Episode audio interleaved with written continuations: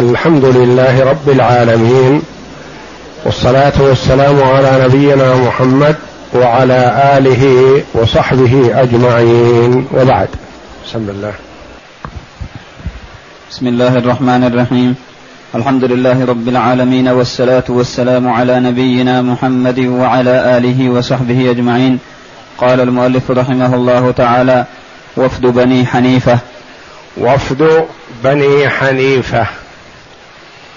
الوفود التي تتابعت إلى النبي صلى الله عليه وسلم في المدينة في السنة التاسعة وأوائل السنة العاشرة. مصداق ما قال الله جل وعلا إذا جاء نصر الله والفتح ورأيت الناس يدخلون في دين الله أفواجا. فسبح بحمد ربك واستغفره إنه كان توابا. إذا جاء نصر الله والفتح فتح مكة ونصر الله جل وعلا لرسوله صلى الله عليه وسلم على المشركين وعلى كل من عاداه. فكانوا معارضين له. وبعد فتح مكة تتابعت الوفود إلى النبي صلى الله عليه وسلم مبايعين له على الإسلام. فتتابعت الوفود في السنة التاسعة لأن فتح مكة في السنة الثامنة في رمضان. وواصل صلى الله عليه وسلم بعد فتح مكة غزوة حنين وحصار الطائف وقسمة غنائم حنين في الجعرانة. ثم إنه اعتمر صلى الله عليه وسلم من الجعرانة وتوجه إلى المدينة عليه الصلاة والسلام. وأمر على مكة عتاب ابن عسيد وكان شابا صغيرا لكن النبي صلى الله عليه وسلم توسم فيه وتفرس فيه القدرة على الإمارة والتوجيه وأخذ الحق للمظلوم من الظالم وكان عمره ثمان عشرة سنة. رضي الله عنه.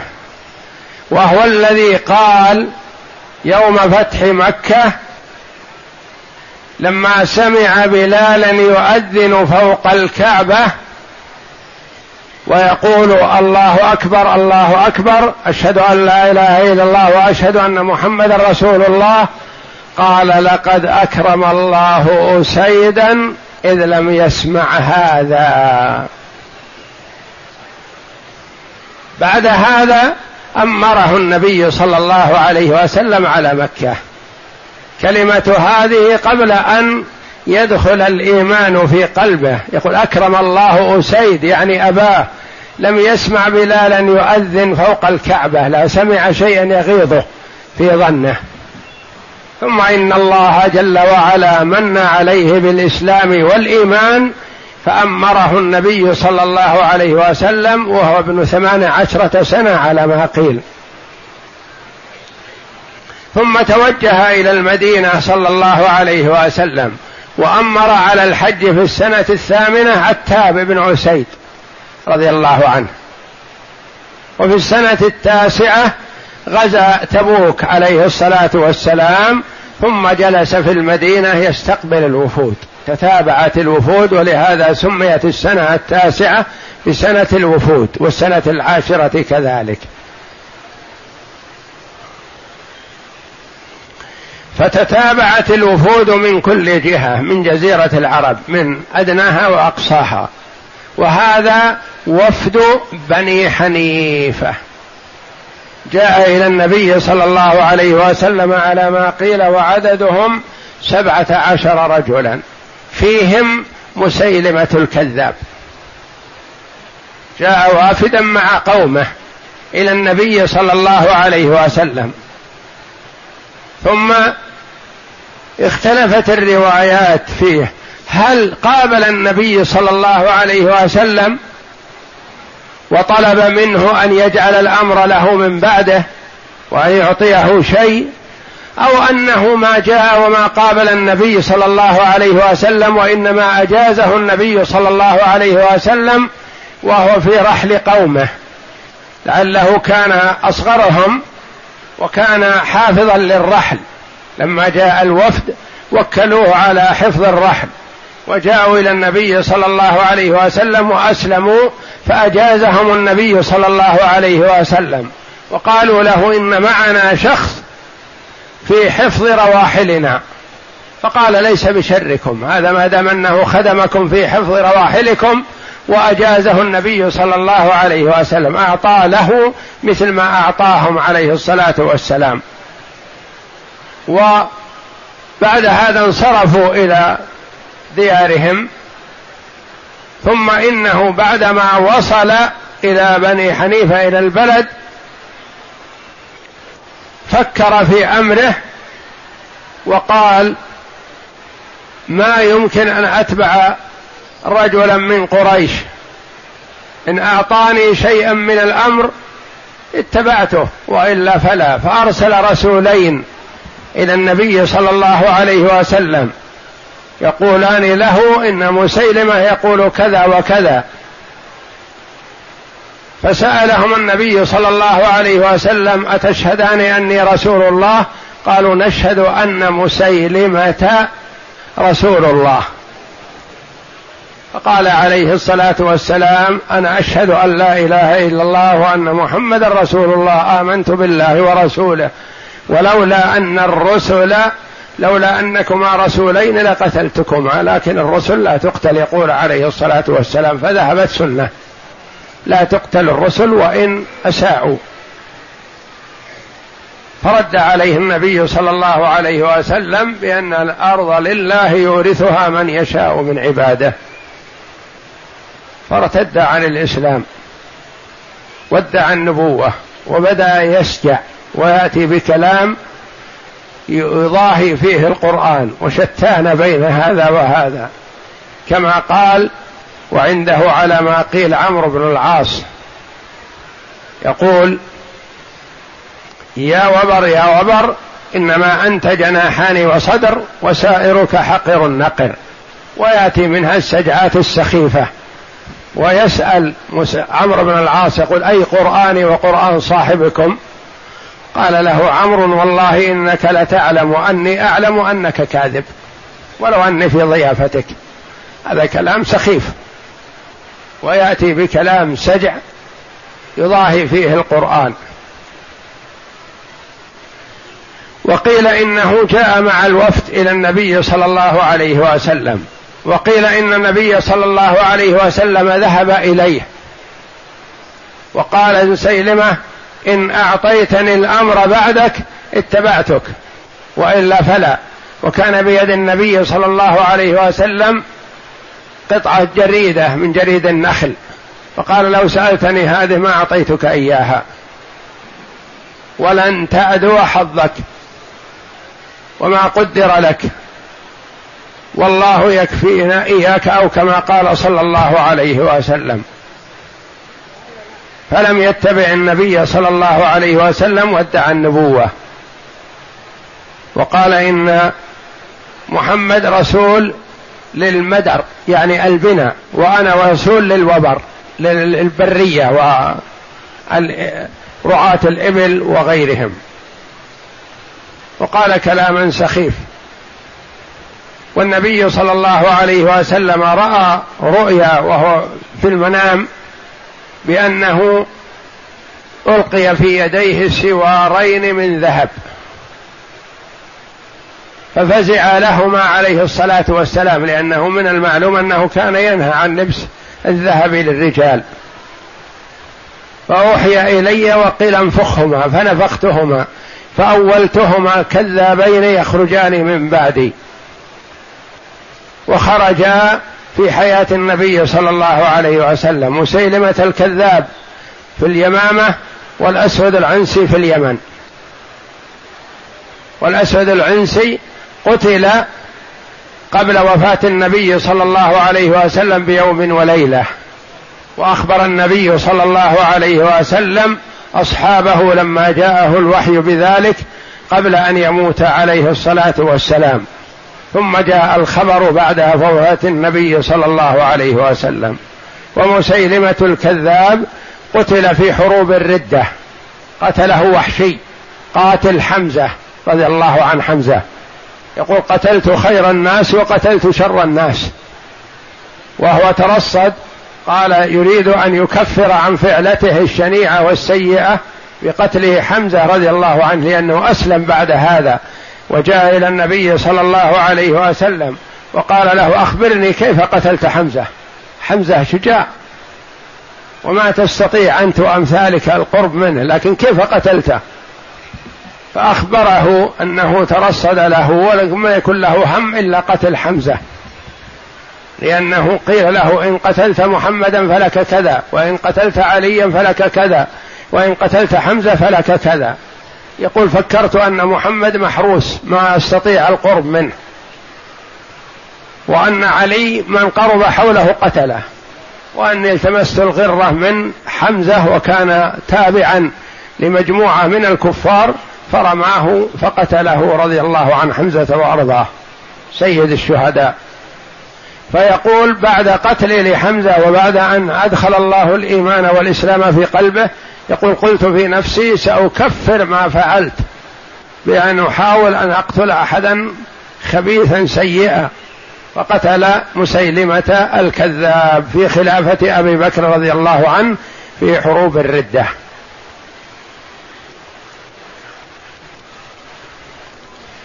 فكان وفد بني حنيفة فيهم مسيلمة لكن هل هو جاء مع الوفد إلى النبي صلى الله عليه وسلم وسأله الأمر بعده؟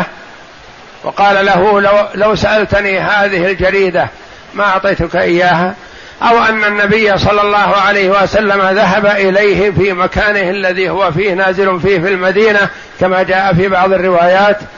أو أنه لم يلتق بالنبي صلى الله عليه وسلم وإنما أجازه النبي صلى الله عليه وسلم مع قومه ولما رجع إلى اليمامة ادعى النبوة. والكذب على النبي صلى الله عليه وسلم كذب شنيع وادعاء النبوة ادعاء شنيع. ولذا من ادعى النبوة فضحه الله جل وعلا. قد يفتري على الله وكل عاقل لا يصدقه. لكن قد يفتري في النبوة يدعي النبوة فقد يصدقه بعض الناس كما فعل أصحاب مسيلمة. صدقه كثير فئام من الناس كثير وكانوا يقاتلون دونه في حروب الردة التي استشهد فيها عدد من الصحابة رضي الله عنهم. فاغتر به أناس فلذا فضحه الله جل وعلا ما يذكر اسمه إلا ويقال معه الكذاب. ما يقال مسيلمة وإنما يقال مسيلمة الكذاب لأنه كذب وافترى وادعى النبوة. وقتله الله جل وعلا في حروب الردة في سنة اثنا عشر من الهجرة في خلافة أبي بكر رضي الله عنه. نعم. وفد, حبي وفد بني حنيفة كانت وفادتهم سنة تسع من الهجرة وكانوا سبعة عشر رجلا فيهم مسيلمة الكذاب وهو مسيلمة بن ثمامة بن كبير بن حبيب بن الحارث من بني حنيفة. نزل هذا الوفد في بيت رجل من الأنصار ثم جاءوا إلى النبي صلى الله عليه وسلم فأسلموا. أسلم الوفد الذين جاءوا إلى النبي صلى الله عليه وسلم أسلموا وأظهروا الإسلام. نعم. واختلفت الروايات في مسيلمة الكذاب ويظهر بعد التأمل في جميعها أن مسيلمة صدر منه الاستنكاف والأنفة والاستكبار. يعني التكبر والتعاظم. قال في نفسه كيف أتبع فتى من قريش أو رجلا من قريش؟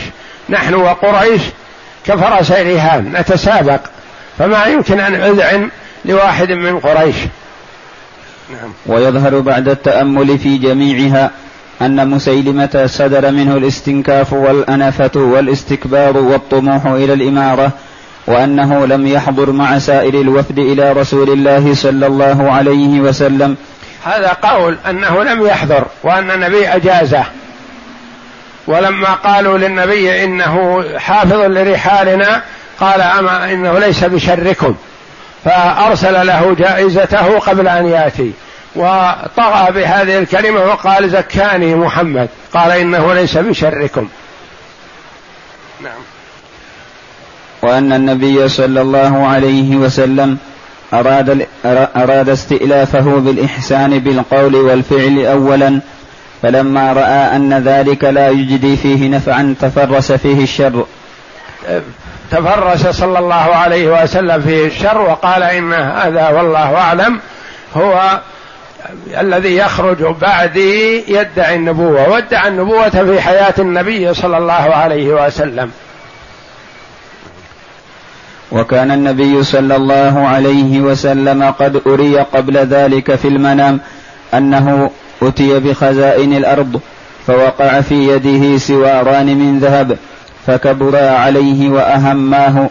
يعني استعظم هذا عليه الصلاة والسلام وضاق صدره بذلك أن يكون عليه ذهب وهو ينهى عن الذهب صلى الله عليه وسلم للرجال. فأوحي إليه أن انفخهما فنفخهما فذهبا فأولهما صلى الله عليه وسلم كذابين يخرجان من بعده. فلما صدر من مسيلمة ما صدر من الاستنكاف وقد كان يقول إن جعل لي محمد الأمر من بعده تبعته.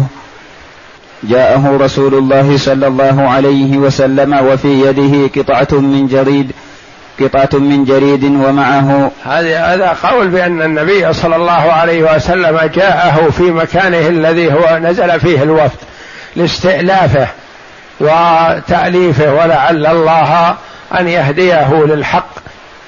والنبي صلى الله عليه وسلم متواضع كريم عليه الصلاة والسلام كما مر علينا أنه لما سأل عن شاب يهودي فقده كان يأتي حوله فقيل له إنه مريض فقال هيا بنا لزيارته. شاب يهودي مريض ذهب يزوره عليه الصلاة والسلام ومعه بعض الصحابة. فدعاه إلى الإسلام وهو مريض.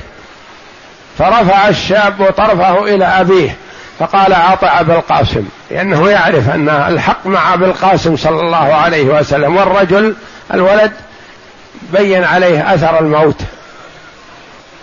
فشهد أن لا إله إلا الله وأن محمدا رسول الله ثم قضى مات. فقال النبي صلى الله عليه وسلم للصحابة رضي الله عنهم جهزوا أخاكم لأنه شهد أن لا إله إلا الله وأن محمدا رسول الله وفارق اليهود. فهو عليه الصلاة والسلام متواضع ويتوجه إلى الكفار لعل الله أن يهديهم للإسلام ويرغبهم في ذلك ويزورهم في أماكنهم ويعرض نفسه عليهم. ما كان عنده تمانع أو يقول حتى يأتوا إلي. بل كان يذهب إليهم فقيل أنه ذهب صلى الله عليه وسلم إلى مسيلمة في مكان نزل في المدينة. وقال له أتبعك على شرط أن يكون لي الأمر من بعدك. فقال له النبي صلى الله عليه وسلم لو سألتني هذه ما أعطيتك إياه لأن الأمر لله جل وعلا.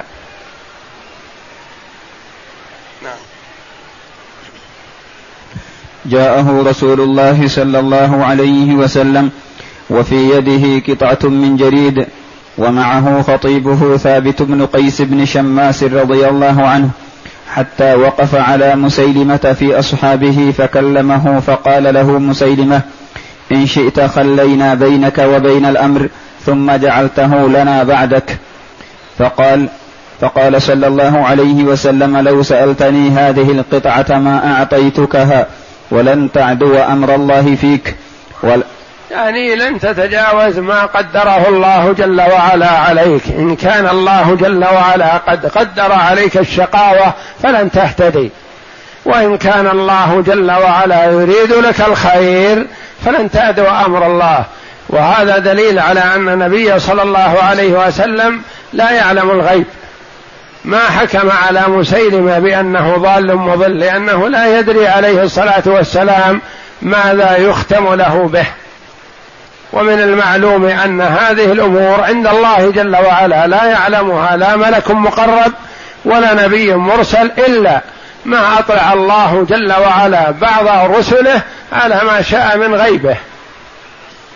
وإلا فمن يقول عن سحرة فرعون وهم جاءوا لمخاصمة ومجابهة موسى وهارون عليهم الصلاة والسلام وهما يقولان بعزة فرعون إنا لنحن الغالبون. بعد سويعات قليلة شهدوا أن لا إله إلا الله وصدقوا برسالة موسى وهارون عليهم الصلاة والسلام وتسلط عليهم فرعون وقتلهم وصلبهم ومآلهم إلى الجنة. شهداء عند الله جل وعلا. وهم قبل قليل يقولون بعزة فرعون إنا لنحن الغالبون. فمن يدري عن خواتم الأمور ولما عرض على النبي صلى الله عليه وسلم رأس أبي جهل جاء به المبشر بأنه قتله قال عليه الصلاة والسلام هذا فرعون هذه الأمة. ما قاله عليه الصلاة والسلام قبل أن يقتل لأنه لا يدري ماذا يختم له. سوى عمه أبي لهب فهو يعرف عليه الصلاة والسلام أنه لا يهتدي لأن الله جل وعلا أنزل عليه تبت يدا أبي لهب وتب. ما أغنى عنه ماله وما كسب. سيصلى نارا ذات لهب. فمن فالله جل وعلا يطلع بعض رسله على ما شاء من غيبه. وإلا فالغيب لا يعلمه إلا الله جل وعلا. ومن شاء سبحانه أطلاعه على شيء من ذلك. قل لا يعلم من في السماوات والأرض الغيب إلا الله.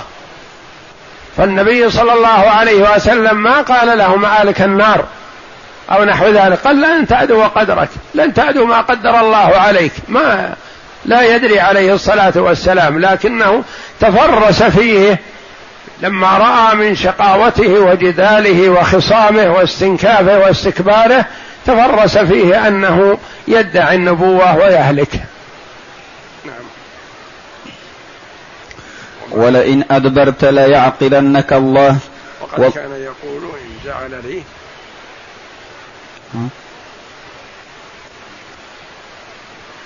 فلما صدر من مسيلمة ما صدر من الاستنكاف وقد كان يقول إن جعل لي محمد الأمر من بعده تبعته فلما صدر من مسيلمة ما صدر من الاستنكاف وكان يقول إن جعل لي محمد الأمر من بعده تبعته. جاءه رسول الله صلى الله عليه وسلم وفي يده قطعة من جريد ومعه خطيبه ثابت بن قيس بن شماس رضي الله عنه. حتى وقف كان عليه الصلاة والسلام له خطيب وله شعراء كل حسب اختصاصه يجاوبون من يأتي من الوفود. وهو عليه الصلاة والسلام يتكلم مع من يريد الكلام معه ثم يكل الأمر إلى الخطيب أو الشاعر حسب آه، نوعية الوفد. فإن كان الوفد فيهم الشعراء فوض الأمر إلى شعراء الإسلام رضي الله عنهم. وإن كان الوفد فيهم الخطباء فوض الأمر إلى خطبائه صلى الله عليه وسلم وهو خطيب ثابت بن قيس بن شماس رضي الله عنه. حتى وقف على مسيلمة في أصحابه فكلمه فقال له مسيلمة إن شئت خلينا بينك وبين الأمر ثم جعلته لنا بعدك. فقال لو سألتني هذه القطعة ما أعطيتكها ولن تعدو أمر الله فيك. ولئن أدبرت ليعقلنك الله. والله إني لأراك الذي أريت فيه ما رأيت وهذا ثابت يجيبك عني ثم انصرف. وأخيرا وقع ما تفرس فيه النبي صلى الله عليه وسلم فإن مسيلمة لما رجع إلى اليمامة بقي يفكر في أمره حتى ادعى أنه أشرك في الأمر مع النبي صلى الله عليه وسلم فادعى النبوة. وجعل يسجع السجعات وأحل لقومه الخمر والزنا وهو مع ذلك يشهد لرسول الله صلى الله عليه وسلم أنه نبي وافتتن به. يتلاعب أحل لقوم أسقط عنهم الصلاة أول شيء وأحل لهم الخمر والزنا. ماذا بقي من الإسلام؟ ويدعي أنه مؤمن أو أنه يعرف أن محمد رسول ونبي يعني يشهد أن محمد رسول الله لكن يقول أنا شريكه.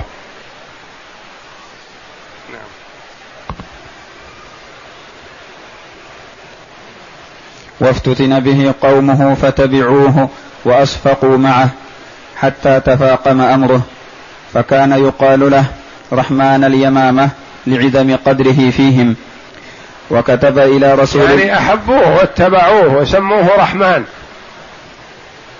ولما نزل قول الله جل وعلا قل ادعوا الله أو ادعوا الرحمن ايا ما تدعو فله الأسماء الحسنى. قال الكفار ما نعرف إلا رحمن اليمامة. يريد منا محمد أن ندعو رحمن اليمامة.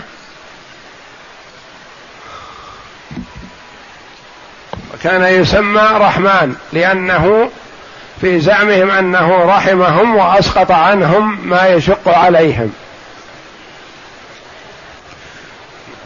وكتب إلى رسول الله صلى الله عليه وسلم كتابا قال فيه إني أشركت في الأمر معك وإن لنا نصف الأمر ولقريش نصف الأمر. فرد عليه رسول الله صلى الله عليه وسلم ان قريش قوم يعتدون. يقول إن قريش يتجاوزون حدهم ولا الأمر بيني وبينك. أنت لك الحجاز وأنا لي نجد. أنت لك الأمر الأول ورسول المدر يعني البناء وأنا رسول إلى الوبر يعني البر والبوادي. لكن ما يكفيكم أنتم يا قريش حقكم. تجاوزتم حقكم إلى حقي. فيعرض على النبي صلى الله عليه وسلم أن يكف عن حقه هو الذي أرسل الرسولين إلى النبي صلى الله عليه وسلم. فرد عليه رسول الله صلى الله عليه وسلم بكتاب قال فيه إن الأرض لله يورثها من يشاء من عباده والعاقبة للمتقين. وعن ابن مسعود رضي الله عنه قال جاء ابن النواحة وابن أثال رسول مسيلمة إلى النبي صلى الله عليه من من اليمامة جاءوا مرسلين من قبل مسيلمة يعرضون على النبي صلى الله عليه وسلم ما طلب مسيلمة الكذاب. فقال صلى الله عليه وسلم لهما أتشهدان أني رسول الله؟ فقال نشهد أن مسيلمة رسول الله. فقال النبي صلى الله عليه وسلم آمنت بالله ورسوله لو كنت قاتلا رسولا لقتلتكما. كان ادعاء مسيلمة النبوة سنة عشر وقتل في حرب اليمامة في عهد أبي بكر الصديق رضي الله عنه في ربيع الأول سنة اثني عشرة من الهجرة. قتله وحشي قاتل حمزة. يعني ما متع والحمد لله وما بقي إلا سنة إحدى عشر. سنة عشر ادعى النبوة في آخرها وسنة اثنا عشر في أولها قتل. فما متع فيما ادعاه إلا سنة واحدة كاملة سنة إحدى عشر وهو في حروب مع الصحابة رضي الله عنهم. وأما المتنبئ الثاني وهو الأسود العنسي الذي كان باليمن فقتله فيروز واحتز رأسه قبل وفاة النبي صلى الله عليه وسلم. فيروز معمر من قبل النبي صلى الله عليه وسلم على جهته. واحتز رأسه قبل وفاة النبي صلى الله عليه وسلم بيوم وليلة فأتاه الوحي صلى الله عليه وسلم فأخبر به أصحابه رضي الله عنهم. وهذه معجزة من معجزاته صلى الله عليه وسلم أخبر عن شيء ما يعلم عنه الناس قبل وفاته عليه الصلاة والسلام بيوم وليلة أخبر أن الأسود العنسي قتل وقتله فيروز فبشر بهذا الصحابة وقضى عليه الصلاة والسلام ولحق بالرفيق الأعلى ثم جاء الخبر من اليمن فيما بعد في خلافة أبي بكر الصديق رضي الله عنه. ثم جاء الخبر من اليمن إلى أبي بكر رضي الله عنه. والله أعلم وصلى الله وسلم وبارك على عبد ورسول نبينا محمد وعلى آله وصحبه أجمعين.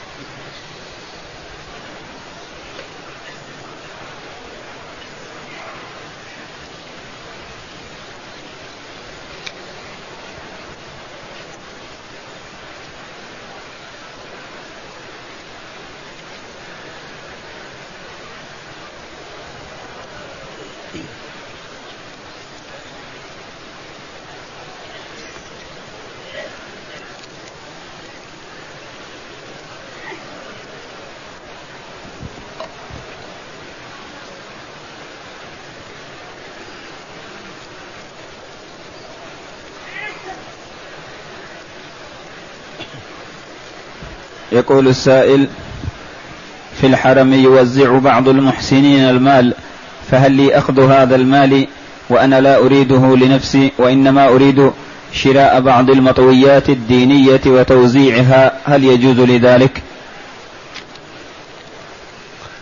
ما يوزع في الحرم من دراهم وغيرها قد يكون زكاة زكاة مال وزكاة المال ما يصح أن يشترى بها كتب ولا يناسب أن يأخذها المرء لغيره وإنما إن كان من أهل الزكاة يأخذ وإن لم يكن من أهل الزكاة فلا يأخذ.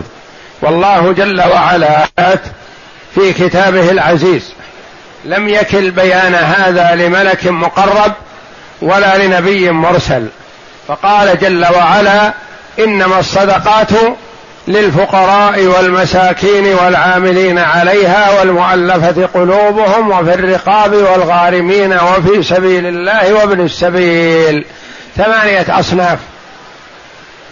وصنفان منهم منهم ما يعطيهم إلا الإمام. وهم العاملون عليها والمؤلفة قلوبهم. هؤلاء الذين يتولى إعطاءهم إذا شاء وأراد الإمام للمصلحة وإلا فسائر المزكين ما يدفعون زكاة شيئا من زكاتهم للعاملين ولا للمؤلفة قلوبهم. فغالب ما يوزع في المسجد الحرام يكون من الزكاة والزكاة للفقراء فمن كان منهم يأخذ ومن لا فلا. والنبي صلى الله عليه وسلم لما جاءه شابان جلدان يسألانه من الصدقة. صوب فيهما النظر عليه الصلاة والسلام. يعني رأى الشباب والفتوة والقوة. فقال عليه الصلاة والسلام إن شئتما أعطيتكما ولا حظ فيها لغني ولا لقوي مكتسب. وكل الأمر صلى الله عليه وسلم إليهما وأتمنهما على هذا. إن شئتما أعطيتكما. ولا حظ فيها لصنفين من الناس. من هم؟ الغني اللي عنده ما يكفيه. والقوي المكتسب بهذا الشرط. قوي يعني يستطيع العمل ويكسب. يعمل ويستفيد. لكن فيه قوي غير مكتسب. هذا يعطى من الزكاة. قوي غير مكتسب. مثل إذا تفرغ لطلب العلم أو ما استطاع أن يعمل لعمل ما أو ضعيف ما يستطيع العمل. فيعطى من الزكاة حتى وإن كان قويا. ويوكل الأمر إليه. ما يقال له أحضر شهود. وآت من بشهود من جيرانك أو من إخوانك أو من معارفك بأنك من أهل الزكاة. هذه أمانة بينه وبين ربه تبارك وتعالى. ولذا قال النبي صلى الله عليه وسلم إن شئتما أعطيتكما ولا حظ فيها لصنفين من الناس. لا حظ فيها لغني لأنه قد يكون معاق أو مريض أو كذا لكنه غني فليس له حظ في الزكاة حتى وإن كان مريض. وقوي مكتسب بهذه الصفة اللي يكسب كل يوم بيومه أو كل شهر بشهره مثلا يكتسب. ما عنده غنى غنى ولا عنده مال لكنه يعمل ويكسب قوته اليومي بعمله فلا يعطى من الزكاة. فلا يجوز للمرء أن يأخذ من الزكاة وهو ليس من أهلها. إن كان من أهلها فنعم فهي تعينه. والله جل وعلا حكيم عليم حينما فرض الزكاة فهو يعلم جل وعلا مصالح عباده ويعلم ما يكفي عباده وفرض النسبة الكافية في الأموال للفقراء التي تغنيهم بالسنة. قوت السنة يأخذه كل فقير من زكاة نفس السنة. نعم بقية. في بقية. لا تروحوا أنت ما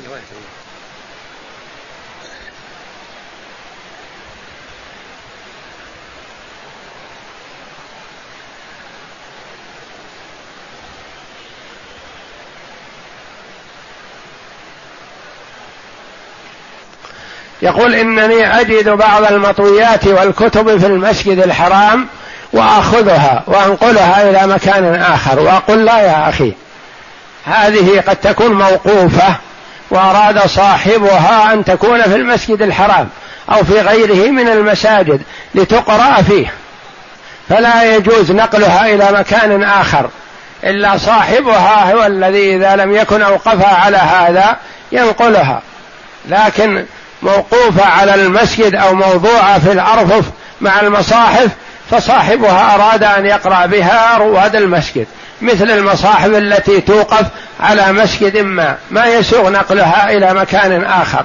أو ينقل الإنسان من المصاحف الموجودة في المسجد الحرام أو في غيره من المساجد إلى بيته.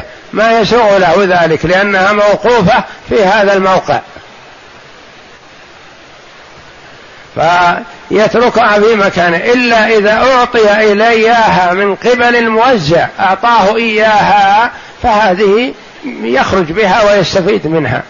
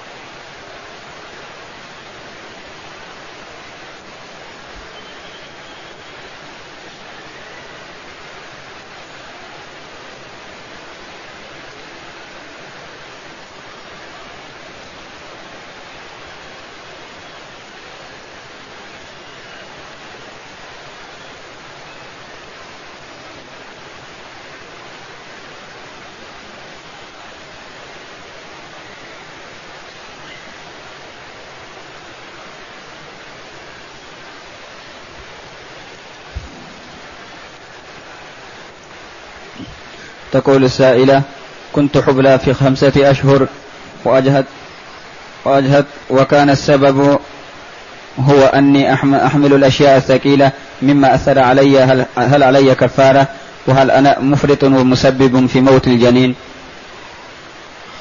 أولا ما يجوز للأم أن تعمل على إسقاط الجنين وحملها للأشياء المعتادة لا بأس عليها.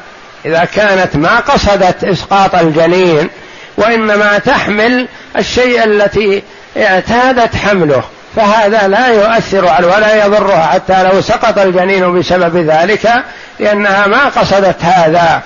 وإنما قصدت عمل ما كانت تعمله من قبل. والجنين بعد نفخ الروح فيه ما يجوز للأم ولا للأب أن يسقطوه لأنه نفس ونفخ فيه الروح فلا يجوز. ذكر بعض الفقهاء رحمهم الله جواز إسقاط النطفة قبل أربعين يوما بدواء مباح إذا لم يكن فيها ضرر على المرأة. وبعضهم منع إسقاط النطفة مطلقة حتى ولو لم ينفخ فيها الروح. وإذا حصل من الإنسان خطأ في مثل هذا فعليه التوبة والاستغفار والله جل وعلا يتوب على من تاب.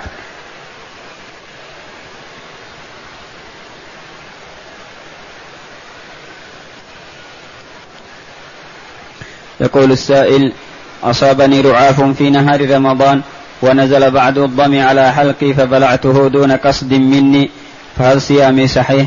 علما بأني قضيت ذلك اليوم.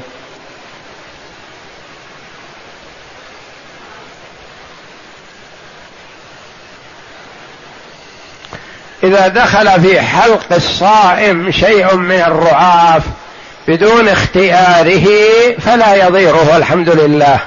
إنما لا يقصد بلع الدم. وأما إذا دخل في حلقه بدون قصد منه فلا يضيره وصومه صحيح والحمد لله.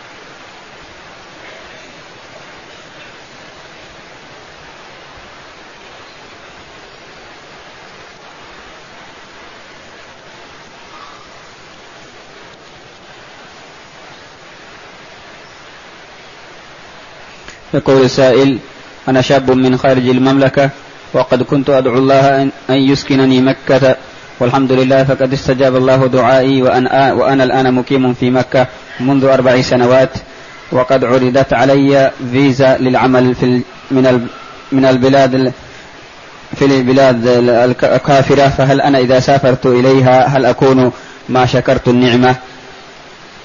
إذا تيسر للمسلم الإقامة في بلاد المسلمين وخاصة في مكة أفضل البقاع على الإطلاق فلا يجوز له السفر إلى بلاد الكفار إلا لضرورة أو مهمة تنقضي سريعا وإلا فلا يجوز له الإقامة مع الكفار لأنه خطر على نفسه وعلى دينه وعلى سلوكه فما ينبغي للمسلم أن يفرط في سلوكه واتجاهه بقصد جمع شيء من المال أو نحو ذلك.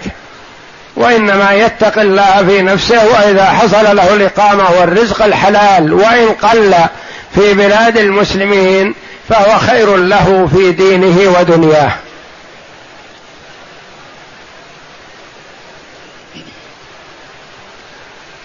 يقول السائل متى يكون الشخص من حاضر المسجد الحرام؟ يكون من حاضر المسجد الحرام إذا أقام في مكة أو ما حولها وقريبا منها. ونوى الإقامة. نوى الإقامة فيها. ولم يأتي بقصد العمرة أو قصد الحج. يقول السائل هل يجوز اللحاق بالتكبيرة الأخيرة من صلاة الجنازة؟ إيه نعم يجوز. ما دام بقي على الإمام شيء من صلاة الجنازة ما سلم فأنت ادخل معه. وإن كانت الجنازة باقية فاقض ما فاتك على صفتها. وإن كانت الجنازة محمولة كما هو الحال في المسجد الحرام والمسجد النبوي وبعض المساجد الكبيرة إذا سلم الإمام حملت الجنازة بسرعة. فتابع التكبيرات الأربع وسلم. وتكون أدركت صلاة الجنازة. وأما إن كانت الجنازة باقية كما هو الحال إذا صلي عليها في المقبرة أو صلي عليها في مكان يطلع ذوي أهل الجنازة على المصلين أنه باقي أناس يصلون يتركونها فكمل الصلاة على صفتها.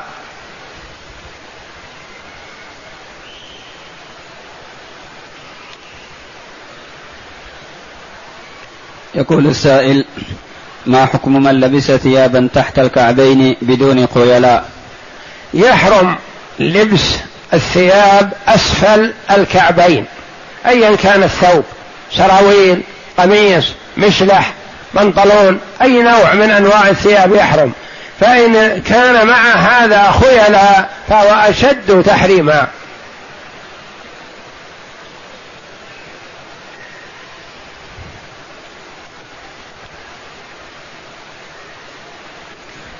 تقول السائلة هل يجوز للحائض أن تدخل المسجد الحرام وتجلس من غير طواف وصلاة؟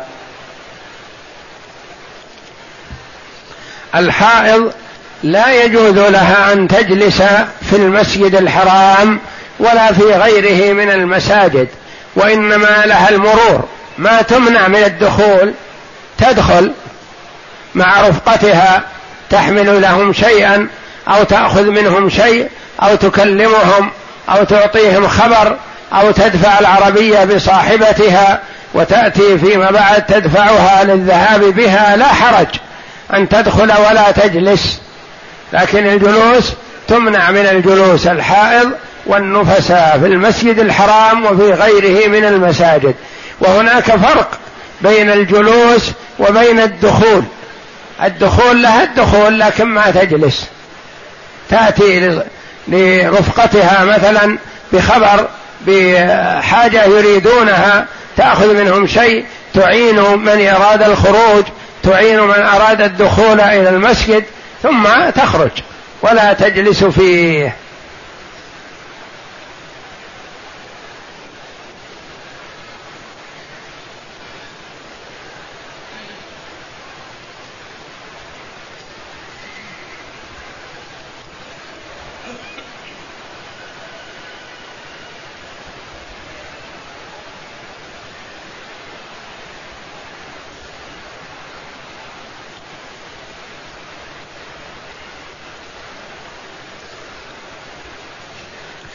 يقول السائل رجل أثناء الطواف وجد عشرين ريالا فأخذها فما الحكم؟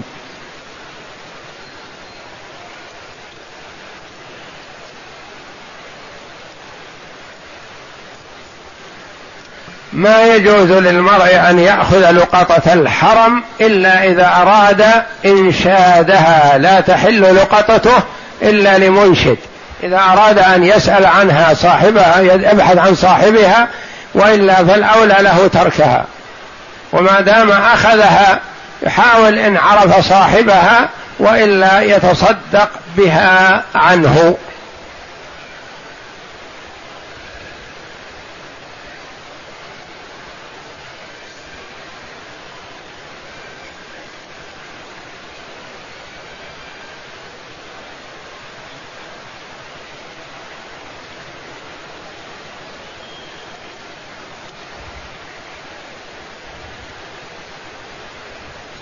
يقول السائل كنت تاجرا وبعد ذلك خسرت أموالا كثيرة وأنا الآن في دين فهل يجوز لي طلب المساعدة من الأصدقاء لقضاء ديني إذا لم يكن عندك سداد فلا بأس لكن إذا كنت مدين ولك أموال لكن تقول ما أحب أن أبيعها بخسارة فلا يجوز أن تأخذ من الزكاة.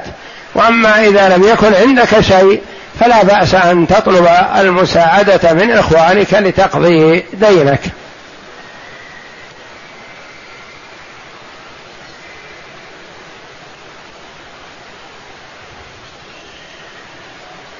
يقول السائل ما حكم التداوي بالكحول على الشكل الموجود بالصيدليات في الأشربة؟ وما حكم بيعه في مزيل العرق وخلافه الكحول التي يستعملها الفساق بدل المسكر يسكرون بها محل خلاف بين العلماء رحمهم الله في نجاستها. هل هي نجسة العين أو محرمة الشرب فقط وليست بنجسة العين؟ مبني على خلاف العلماء رحمهم الله في نجاسة عين الخمر. لأن بعض العلماء رحمهم الله يقول الخمر محرمة الاستعمال هذا بالاتفاق وبالإجماع لنص القرآن والسنة وإجماع المسلمين. لكن إذا أصابت الثوب أهي نجسة أو لا يقول لا ليست بنجسة. لو أصابت الثوب فلا يغسل من أثر ذلك. آخرون يقولون هي محرمة ونجسة. فإذا أصابت الثوب يلزم غسله. فالخلاف بين العلماء في نجاستها. وأما استعمالها إذا كانت مسكرة أو ما أسكر الكثير فالقليل محرم. الكحول إذا كانت مسكرة فإنها محرمة. أو مخلوطة بشيء محرم فهي محرمة. والله جل وعلا لم يجعل شفاء أمة محمد صلى الله عليه وسلم فيما حرم عليها. فما حرم لكونه مسكر ولا يسكر إلا إذا كان كثير فيحرم القليل منه والكثير.